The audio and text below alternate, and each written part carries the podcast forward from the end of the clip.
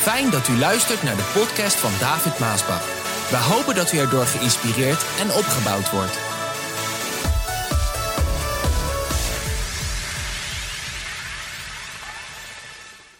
De handelingen van de apostelen.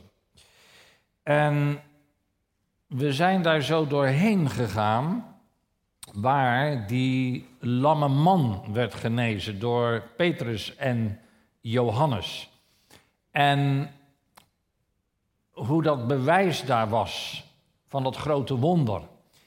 En dat toen het Sanhedrin, dat is de leiding daar, het bestuurlijke lichaam in Jeruzalem van de kerkleiders, ehm, dit gadesloegen, toen onderbraken ze Petrus en ze namen hem mee. Terwijl hij aan het preken was, kwamen ze, vielen ze binnen onderbraken hem en namen ze mee voor het verhoor. En daar stonden Petrus en Johannes in het midden met die leiders, die kerkleiders eromheen. En dan vertelt Petrus hoe die man is genezen en in wiens naam die man is genezen dat de man is genezen door Jezus Christus, die leeft, die jullie hebben gedood, maar die God weer uit de doden heeft doen opstaan, die heeft die man genezen. En als hun dat dan verteld hebben over Jezus, heel vrijmoedig, want hij was vervuld met de Heilige Geest. Dat was net daarvoor gebeurd. Lezen we in Handelingen 4, vers 15 zij, dat is dat, die leiders, het Sanhedrin, zij stuurden Petrus en Johannes de raadzaal uit en overlegden met elkaar. Ze stuurden hun eruit, uit de zaal, om met elkaar te gaan beraadslagen, met elkaar te gaan overleggen. En ik noem dat de conferentie van de intellectuelen. En daar kom ik zo op terug, want ik heb echt weer zoiets moois wat de Heer liet zien. Wat ik, ik hoop dat het uw ogen een eye-opener zal zijn vandaag weer. Omdat deze lessen zo mooi en belangrijk zijn in onze tijd, 2000 zoveel. Hoe dat in die eerste gemeente ging. En dat hoe die ontstaan is. En hoe ze vervuld werden met de Heilige Geest. En hoe dat eerste, allereerste wonder is gebeurd. En nu ook die allereerste tegenstand komt. Want daar kunnen wij veel uit leren aangaande de tegenstand die wij vandaag hebben. Ik noem het de conferentie van de intellectuelen. Intellectueel betekent verstandelijk. Ik heb het even ook opgezocht zodat ik niet fout zit in het woordenboek. Het betekent verstandelijk. Nou, alleen dit al moet je onthouden. Intellectueel betekent verstandelijk. Het betekent iemand met een goed verstand en een grote algemene ontwikkeling. Op zich zou je zeggen, daar is niks mis mee, maar wacht, als we straks wat verder komen, ga je het begrijpen. Het is dus iemand verstandelijk en iemand met een goed verstand en een grote algemene ontwikkeling. Nou, dat slaat echt wel ook op deze mannen van het Sanhedrin. Die hoge mate van intelligentie, die hadden deze mannen. Deze kerkleiders. Quote 1. Zij ontdekten, het Sanhedrin, die leiders, die intellectuelen, zij ontdekten de hechte relatie die Petrus en Johannes met Jezus hadden.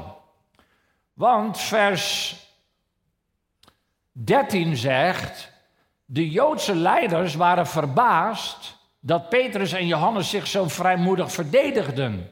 Hoewel zij toch mensen zonder opleiding waren, ongeletterde mensen. geen, geen, geen school hebben gehad. Het waren vissers. En daar staat, zij herinnerden zich dat zij allebei, Petrus en Johannes, veel met Jezus waren omgegaan. Dus zij ontdekten dat Petrus en Johannes veel omgang hadden met Jezus. Twee, de zekerheid dat er door Petrus en Johannes een groot wonder had plaatsgevonden. Dat is wat zij hadden, dat, die intelligente leiders daar. Ze hadden de zekerheid dat er een groot wonder had plaatsgevonden door Johannes en Petrus. Vers 14 zegt, maar omdat de genezen man bij hen stond, konden zij niets tegen hen inbrengen. Nummer drie, hun besluit om het grote wonder niet te ontkennen. Ik toon u even de intelligentie die deze mensen, deze leiders hadden. Handelingen 4, vers 16 zegt: Wat moeten wij doen met deze mannen? Wij kunnen er niet omheen dat zij een groot wonder hebben gedaan. Zo zij erkennen dat wonder daar. Nou, ze konden ook niet anders, want ze konden er niet omheen. En vier, dit vind ik ook een belangrijke, de grote mate van onbesef die zij hadden in hun besluit om Petrus en Johannes te bedreigen.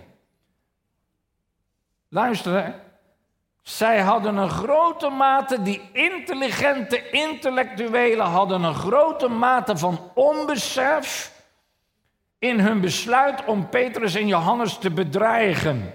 Vers 17 zegt, iedereen in Jeruzalem weet ervan, zeiden zij. Om te voorkomen dat zij nog meer propaganda maken, moeten wij hun verbieden die naam, de naam van Jezus, nog verder te noemen, anders zullen zij streng gestraft worden. Wij hebben vandaag daar ook mee te maken hoor. Als je de waarheid predikt, als je over Jezus predikt, als je over de normen, de waarden, de wetten, de regels van God predikt, dan krijg je ook te maken met dreigementen van mensen. En ik weet, mam, vroeger, papa, hij kreeg ook veel tegenstand van de theologen en de kerkleiders van de traditionele kerken vanwege de boodschap van genezing en verlossing en bevrijding een hoge mate. Osborne ook met de campagne in 1958. De, de mannen van de kansel, de kerkleiders van de kansel, die vertelden de mensen om vooral niet naar de campagne van Osborne te gaan. Want wat daar gepredikt en gezegd wordt, is een leugen. Zo dat was toen ook. En het is vandaag eigenlijk niks veranderd. Maar zo gezegd, zo gedaan. Vers 18. Zij riepen de twee apostelen weer binnen. En verboden hun ooit weer over Jezus te spreken. Mensen, dit was echt niet lief hoor. Dit, was, dit werd niet lief tegen hun gezegd. Zo, zoals we vandaag kennen, wil je alsjeblieft toch niet meer over de naam van Jezus praten. Joh, vind ik niet zo prettig. Vind ik niet zo prettig. Voel me niet zo prettig als je over. Dat was hard.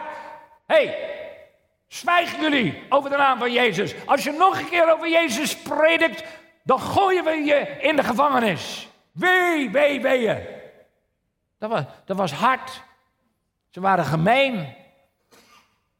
Zo, ze zeiden, ze verboden Petrus en Johannes om over de naam van Jezus te praten en te prediken. Ik zal u vertellen, die tijd kan hier ook aanbreken. Dat het echt verboden wordt bij wet. En, uh, en vandaag weten we en zien we heus wel hoe dat gaat. Want daar gebruikt de boze bijvoorbeeld de islam voor. Want dan wordt de islam iets verboden. En dan zeggen de intellectuele leiders, die zeggen... nou, dan moet het ook voor de christenen verboden worden. Zo gaat het vandaag. Zo, geen hoofddoekjes, ook geen keppeltjes en geen kruisjes. Dat is er al vandaag. Zo als straks dat boek verboden zou worden, dan wordt ons boek ook verboden. Zo gaat dat. En wat dan als het verboden wordt bij wet? Dat was wat hier gebeurde, want hun waren eigenlijk de wet. Was het bestuurslichaam, het Sanhedrin. Dus, zo gezegd, zo gedaan, ze verboden het hun. Maar Petrus, vol van de Heilige Geest, want daar gaat het om. Vol van de Heilige Geest, kaatste de bal meteen weer terug. Petrus en Johannes antwoorden: Oké, wat vindt u? Is het juist dat wij u in plaats van God, in plaats van God gehoorzamen? Oh, dit wordt mooi hoor. Zij staan hier dus terecht voor die intellectuele mensen, die geleerde mensen, die hen verboden over Jezus te praten, want anders worden ze in de gevangenis. Zo hij kaatste terug met een vraag. En hij zegt, is het juist? Quote, is het juist? Dat zeg ik ook vandaag. Als wij ermee te maken hebben. Is het juist? Dat is en blijft altijd weer de vraag, ook vandaag. Is het juist? Ik bedoel, die intellectuelen kunnen komen met al hun mooi gedraai. Ze kunnen het draaien hoe ze willen. Ook vandaag in onze maatschappij. Ja, maar de christenen dit en de christenen zus. Ze kunnen het draaien hoe ze het willen, hoe de wetten ook worden gemaakt. De vraag is en blijft, is het juist? Wanneer dat komt, is het juist om mensen meer te gehoorzamen dan onze God, waarvan wij de Bijbel hebben. De wetten, de regels, de normen, de waarden. Is het juist? Quote. Als wij God meer gehoorzaam willen zijn dan mensen, dan is dat ons goed recht. Ook hier in Nederland vandaag. Hoor je dit? Wij hebben ook wetten en regels. Die zijn nog in ons voordeel. Want ik mag dit nog prediken. Word nog niet opgepakt en in de gevangenis gegooid. Kan nog komen. Wat als het zover is en ik word niet alleen in de gevangenis gegooid, maar ook al degenen die luisteren? Ben je er dan? We zullen zien. We zullen zien. Als wij God meer gehoorzaam willen zijn dan mensen, dan is dat ons goed recht. En als wij dat recht hebben, dan heeft dreigen geen enkele zin. Wij doen toch wat God wil. Vandaar dat ik altijd zeg: ik en mijn huis, wij zullen de Heeren dienen. Wat voor wetten er ook komen. Wat voor gedraai er ook is, ook onder de kerk en in de christenen. En, en hoe men allerlei dingen verzint. Ik en mijn huis, wij zullen de Heeren dienen. Zo, het heeft geen nut om David Maasbach te bedreigen. Is het juist? Moet ik mensen meer gehoorzaam zijn dan God? Hallo, feedback. Moet u, jij, mensen meer gehoorzaam zijn dan God? Nee toch? Het is dus ons recht vandaag om God te gehoorzamen naar zijn woord. Vandaar dat ik zeg, ik en mijn huis, wij zullen de Heeren dienen. U kan wetten maken, maar ik en mijn huis, wij zullen de Heeren dienen. Je kan me in de gevangenis gooien, maar ik en mijn huis, wij zullen de Heeren dienen. Je kan me wat aandoen, maar ik en mijn huis, wij zullen de Heeren dienen. Het heeft geen nut om mij te bedreigen. Het heeft ook geen nut om me om te brengen, want na mij komt er weer een ander. Want zo is het altijd geweest. Vraag. Wat laat deze allereerste tegenstand tegen de christenen ons zien? Vind ik een hele goede vraag. Want dit was de allereerste tegenstand. Na het ontstaan van de kerk, na de prediking van Petrus, nog een prediking, na de vervulling van de Heilige Geest, na dit grote wonder. Toen kwam de tegenstand, daar stonden ze. En ze werden gemaand om niet meer in de naam van Jezus te prediken. Wat laat die allereerste tegenstand tegen de christenen ons zien? Nou, het antwoord A. 1. Het karakter en de geaardheid van de tegenstand. Want willen wij vandaag ook iets begrijpen van de tegenstand die wij hebben, dan is het mooi als je dit hier al in het allereerste begin met de allereerste tegenstand tegen de kerk kan zien. En zoals het daar was, zo is het vandaag nog steeds, want die geesten zijn niet veranderd. Zo, je ziet het karakter en de geaardheid van de tegenstand. En B, de kracht van de kerk wordt openbaar. Met de tegenstand. De Bijbel vertelt ook dat ondanks alle druk en tegenstand groeide de eerste gemeente. Heerlijk. Ik kan hetzelfde zeggen, ondanks alle tegenstand en druk, en in dit geval van ons zeker niet de wereld, maar ook broeders en zusters. Maar de kerk groeit en bloeit en de waarheid wordt gepredikt. Quote. Tegenstand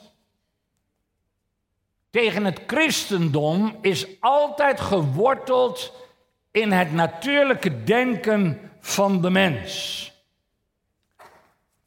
Hoor je dit? Tegenstand tegen het christendom is altijd geworteld in het natuurlijke denken van de mens. En eigenlijk wil ik daarbij zeggen, in het natuurlijke denken van de intellectuele mens. Mensen die dus geleerd hebben. Mensen die onderwijs hebben gehad. Mensen, en nou kijk, nou ga je het begrijpen als ik het nu ga aanhalen waar ik het over heb. Mensen die zo gezegd volgens het woordenboek een goed verstand hebben en een grote algemene ontwikkeling. Maar de tegenstand komt juist daar vandaan. De algemene ontwikkeling en het goede verstand, wat uiteindelijk weer uit het rijk van Satan komt. Want daarin ligt het verschil. En dit is precies wat Jacobus ons probeert uit te leggen. En nou denk ik dat je het gaat begrijpen. Luister wat Jacobus zegt. Wie van u is wijs en verstandig? Wie is wijs en verstandig?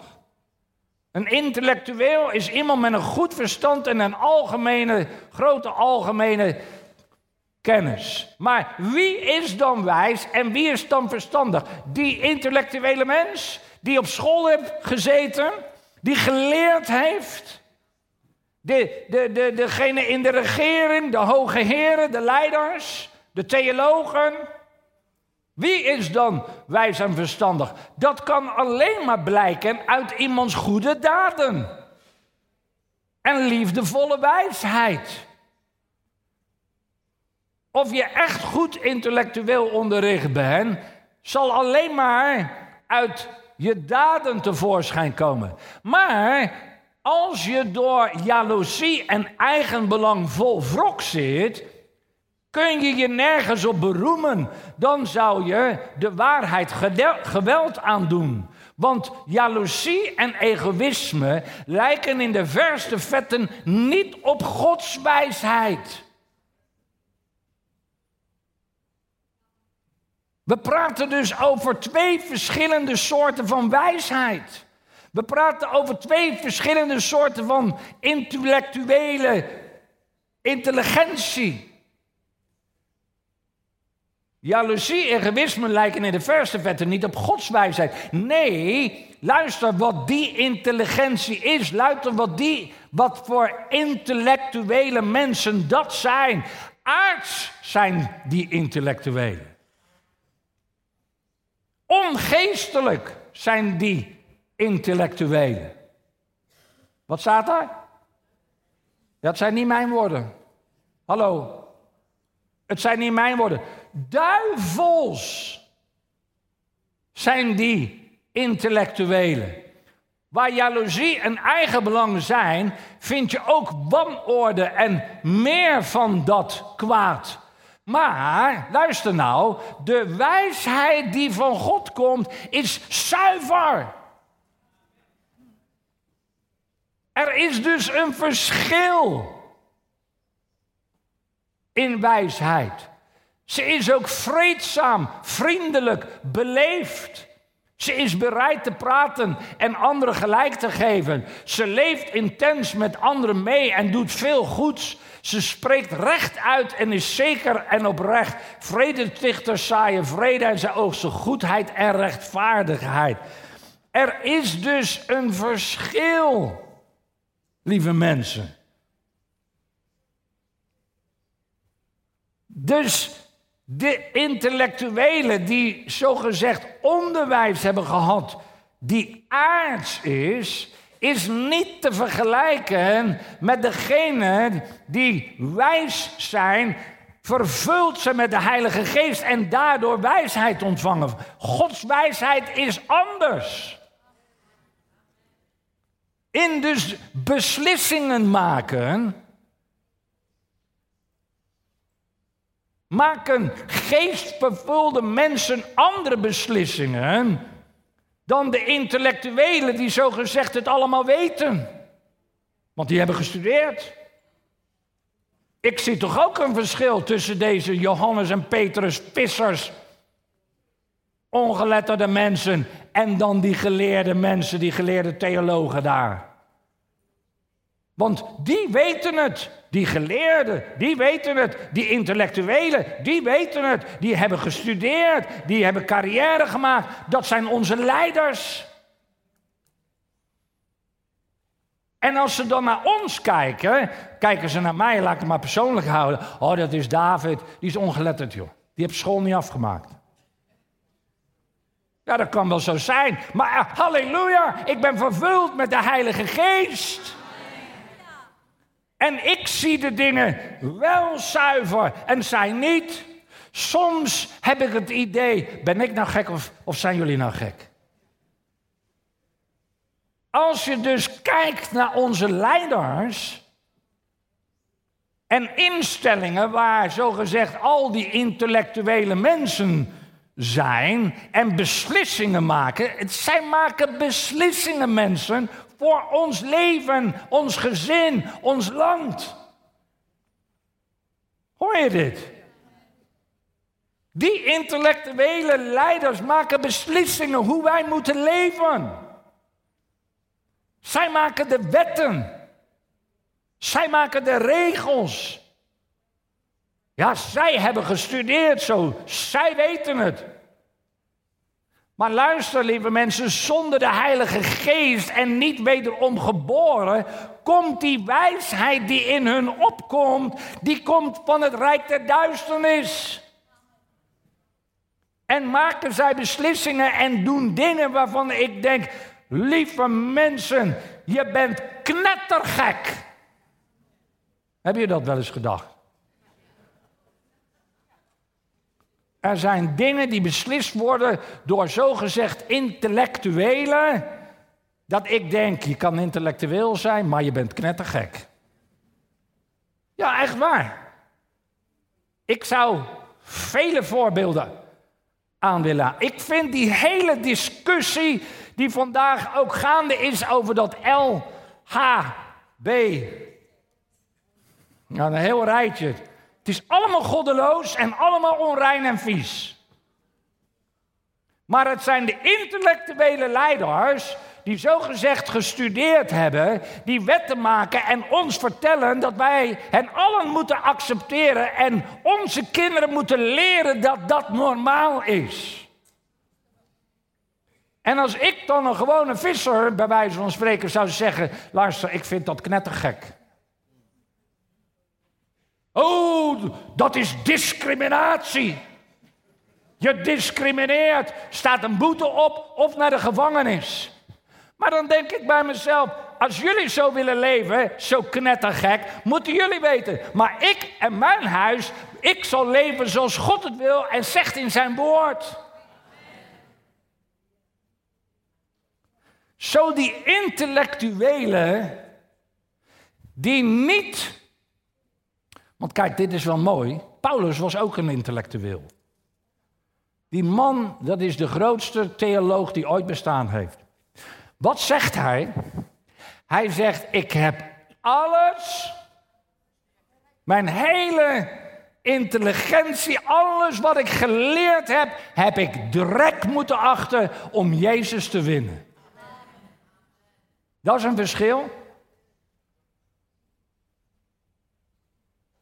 Kijk, en dat doen we niet, want hun leven vanuit de wereld der duisternis.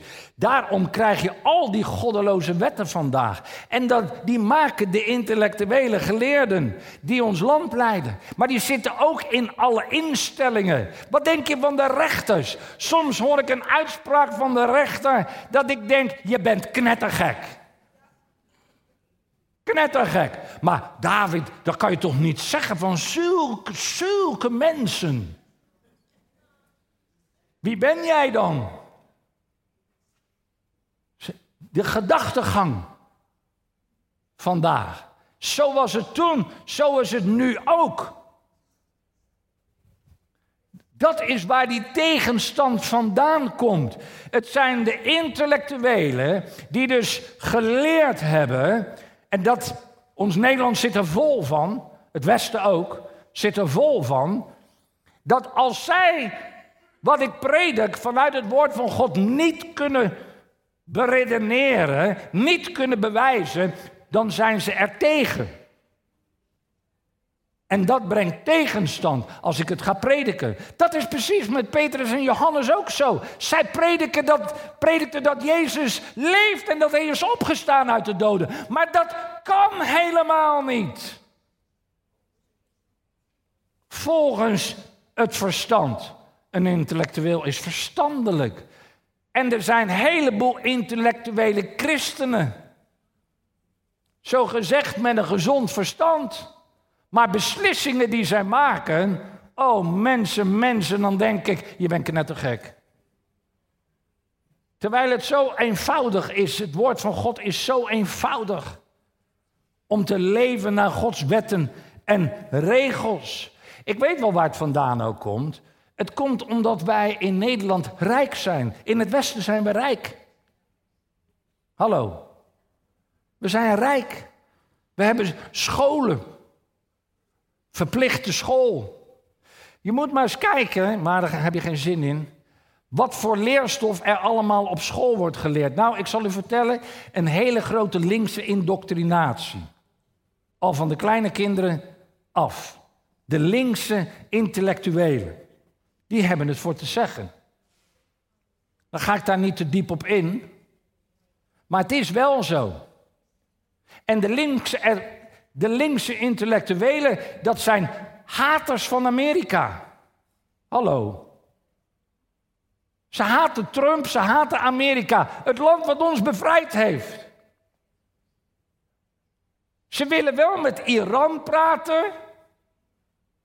Iran. Duivels zijn het. Alleen maar erop uit om Israël te vernietigen. Daar willen ze wel mee praten, maar met Trump willen ze niet praten. Ja, maar David Trump. Ja, ik weet ook wel wat dingen, maar die weet ik ook wel van u te zeggen. Hallo. Er is geen Amerikaanse president geweest die het moed en het lef heeft gehad om de ambassade te verhuizen naar Jeruzalem hoor. Geen ene president heeft dat gedurfd. Er is geen ene president geweest die evangelisten in zijn Oval Office uitnodigt om samen met hen te bidden. Tot God, openlijk, openbaar. Niet één keer, meerdere keren. Maar dat zie je nooit. Het christendom viert, heeft dat geniet vrijheid onder deze president. Dat hoor je nooit. Want niks is goed. Maar daar komt het wel vandaan.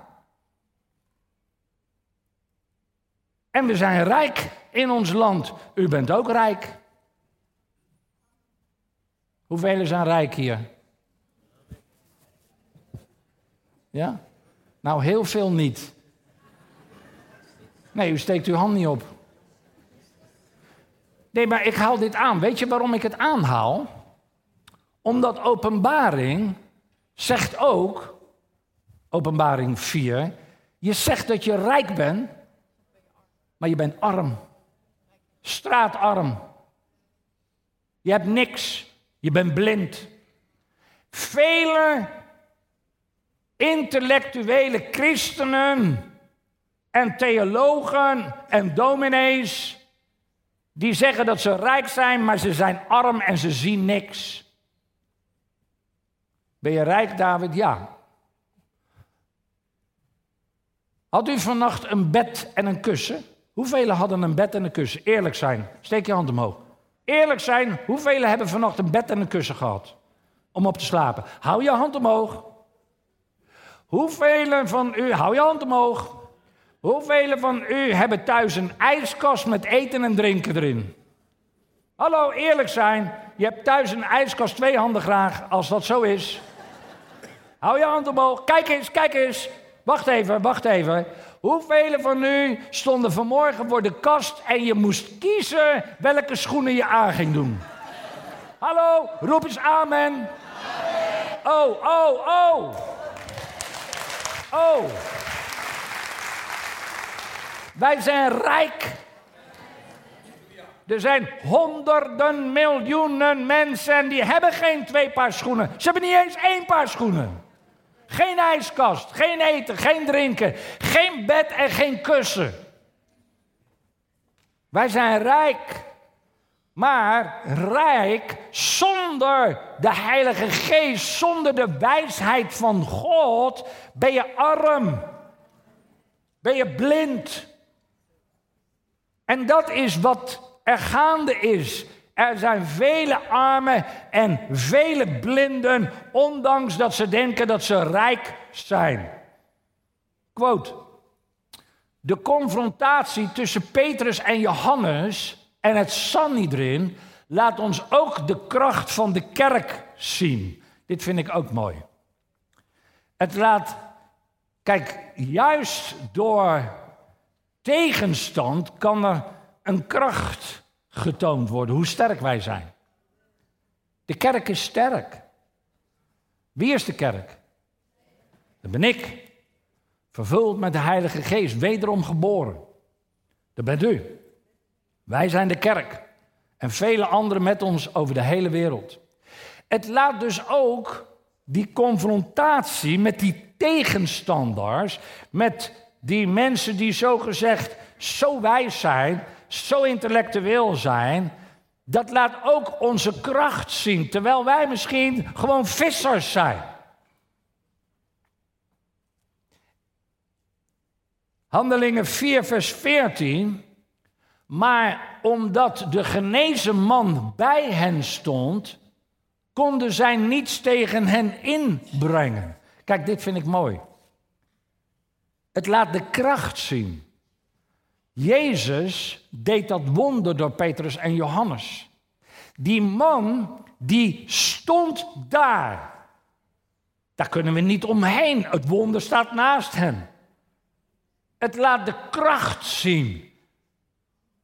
Het laat dus de kracht zien van Petrus en Johannes, omdat die genezen man, die door hun genezen was, die stond bij hen. En omdat die bij hen stond, maakte dat Petrus en Johannes steeds vrijmoediger werden in hun praten. Kijk, daar staat hij. Jezus leeft. Hij heeft die man genezen. Hallo. Het is het bewijs. Het is de kracht van de kerk.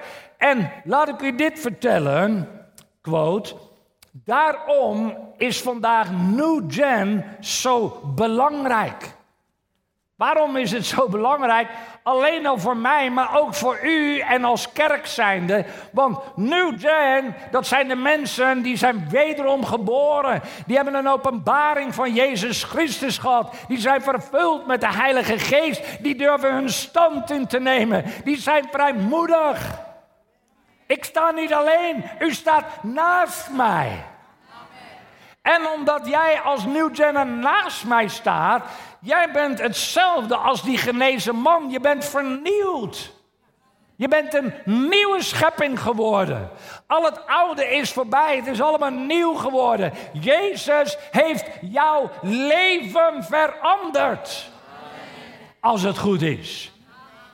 En omdat jij zo veranderd bent, dat je de tegenstand met een opgeheven hoofd tegemoet treedt, in de kracht van de Heilige Geest bent en je niet zo gauw eronder laat, eronder laat duwen. Ben jij een New Jenner? Mooie naam eigenlijk, New Jenner. En omdat jullie naast mij staan, Geef mij dat vrijmoedigheid, net als Petrus, om ook een boodschap als deze te brengen. En lieve mensen, ik ben zo blij dat ik het gewoon durf te zeggen zoals het is. Hoe, net als Petrus, door de kracht van de Heilige Geest. Die is in mij en op mij en over mij. En die zal ook over jou zijn wanneer je gaat getuigen tegen anderen. En wanneer je voor moeilijke moeilijke mensen staat die zogezegd intelligent zijn, intellectuelen. Ik heb het al een keer gezegd, die kwamen ook bij Pa Maasbach, maar ze konden niet tegen hem op. Waarom konden ze niet tegen hem op? Omdat hij vol was van de Heilige Geest. En ze zullen ook niet tegen jou op kunnen. Jij durft dingen te zeggen door de kracht van de Heilige Geest, wanneer dat over je komt, dingen die je eigenlijk zelf niet zou durven zeggen. En je staat hier niet alleen, want er zijn een heleboel New-Genners. Luister, u moet toch wel zo langzaam maar weten dat ik ben niet politiek correct.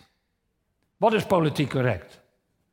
Ja, politiek correct is dat je iets niet durft te zeggen of niets zegt omdat je bang bent dat je andere mensen, van voornamelijk minderheden, daarmee beledigt. Ja, maar David, we leven nou in een tijd, dat doen we niet meer. Ja, dat doen we juist wel. Hallo. God is ook niet politiek correct. We hebben veel te veel politiek correcte leiders. We hebben veel politiek correcte voorgangers en predikers. Die durven geen dingen te zeggen omdat ze bang zijn om iemand te kwetsen. Maar luister, de Bijbel zegt in Openbaring 4 ook: God zegt, degene die ik lief heb, bestraf ik. Hoor je dat? Degene die ik lief heb, bestraf ik. Of het nou pijn doet of niet pijn doet. Ik bestraf hem, want ik hou, God houdt van mensen. En wij moeten de boodschap prediken zoals die is. En we moeten op durven staan en stand in te nemen, ook tegen al die intellectuele leiders die ons land helemaal meenemen op de brede weg. En die willen dat wij ook op die brede weg gaan wandelen, want wij moeten voldoen aan hun wetten. Is dat juist? Nee, ik niet. Ik wil mensen niet meer gehoorzamen dan God. Ik wil God gehoorzaam zijn. Ik en mijn huis, wij zullen de Heeren dienen. Dat is een besluit die ik gemaakt heb. Hoe ze het ook draaien, hoe ze het ook bekokstoven, hoe het ook tevoorschijn gaat komen. Lieve mensen, laten wij als kinderen Gods, net als Johannes en Petrus, onze stand innemen. Ik en mijn huis, wij zullen u dienen, Heren. We zullen u volgen, Heren. We zullen u gehoorzaam zijn, Heren. We zullen ons houden aan uw wetten en regels, want die zijn goed voor alle mensen en ook voor mij. Daaraan ligt de zegen des Heren verbonden. Nou, Volgende keer een totale andere atmosfeer. Handelingen 4, vers 23. Zodra zij vrij waren, Johannes en Petrus die liepen daar weg. Ze konden dus niks met hun beginnen, want die man stond erbij. Ach, die man stond erbij. Zodra ze vrij waren, gingen Petrus en Johannes naar hun vrienden en vertelden wat de Joodse leiders hadden gezegd. En hier komen zij in een hele andere atmosfeer. Een atmosfeer die je hier ook mag proeven en ervaren. Amen.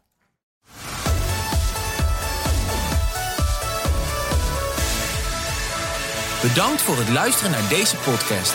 Wilt u meer preken beluisteren? Ga dan naar message.maasbachradio.com. Bezoek ook eens onze website www.maasbach.nl.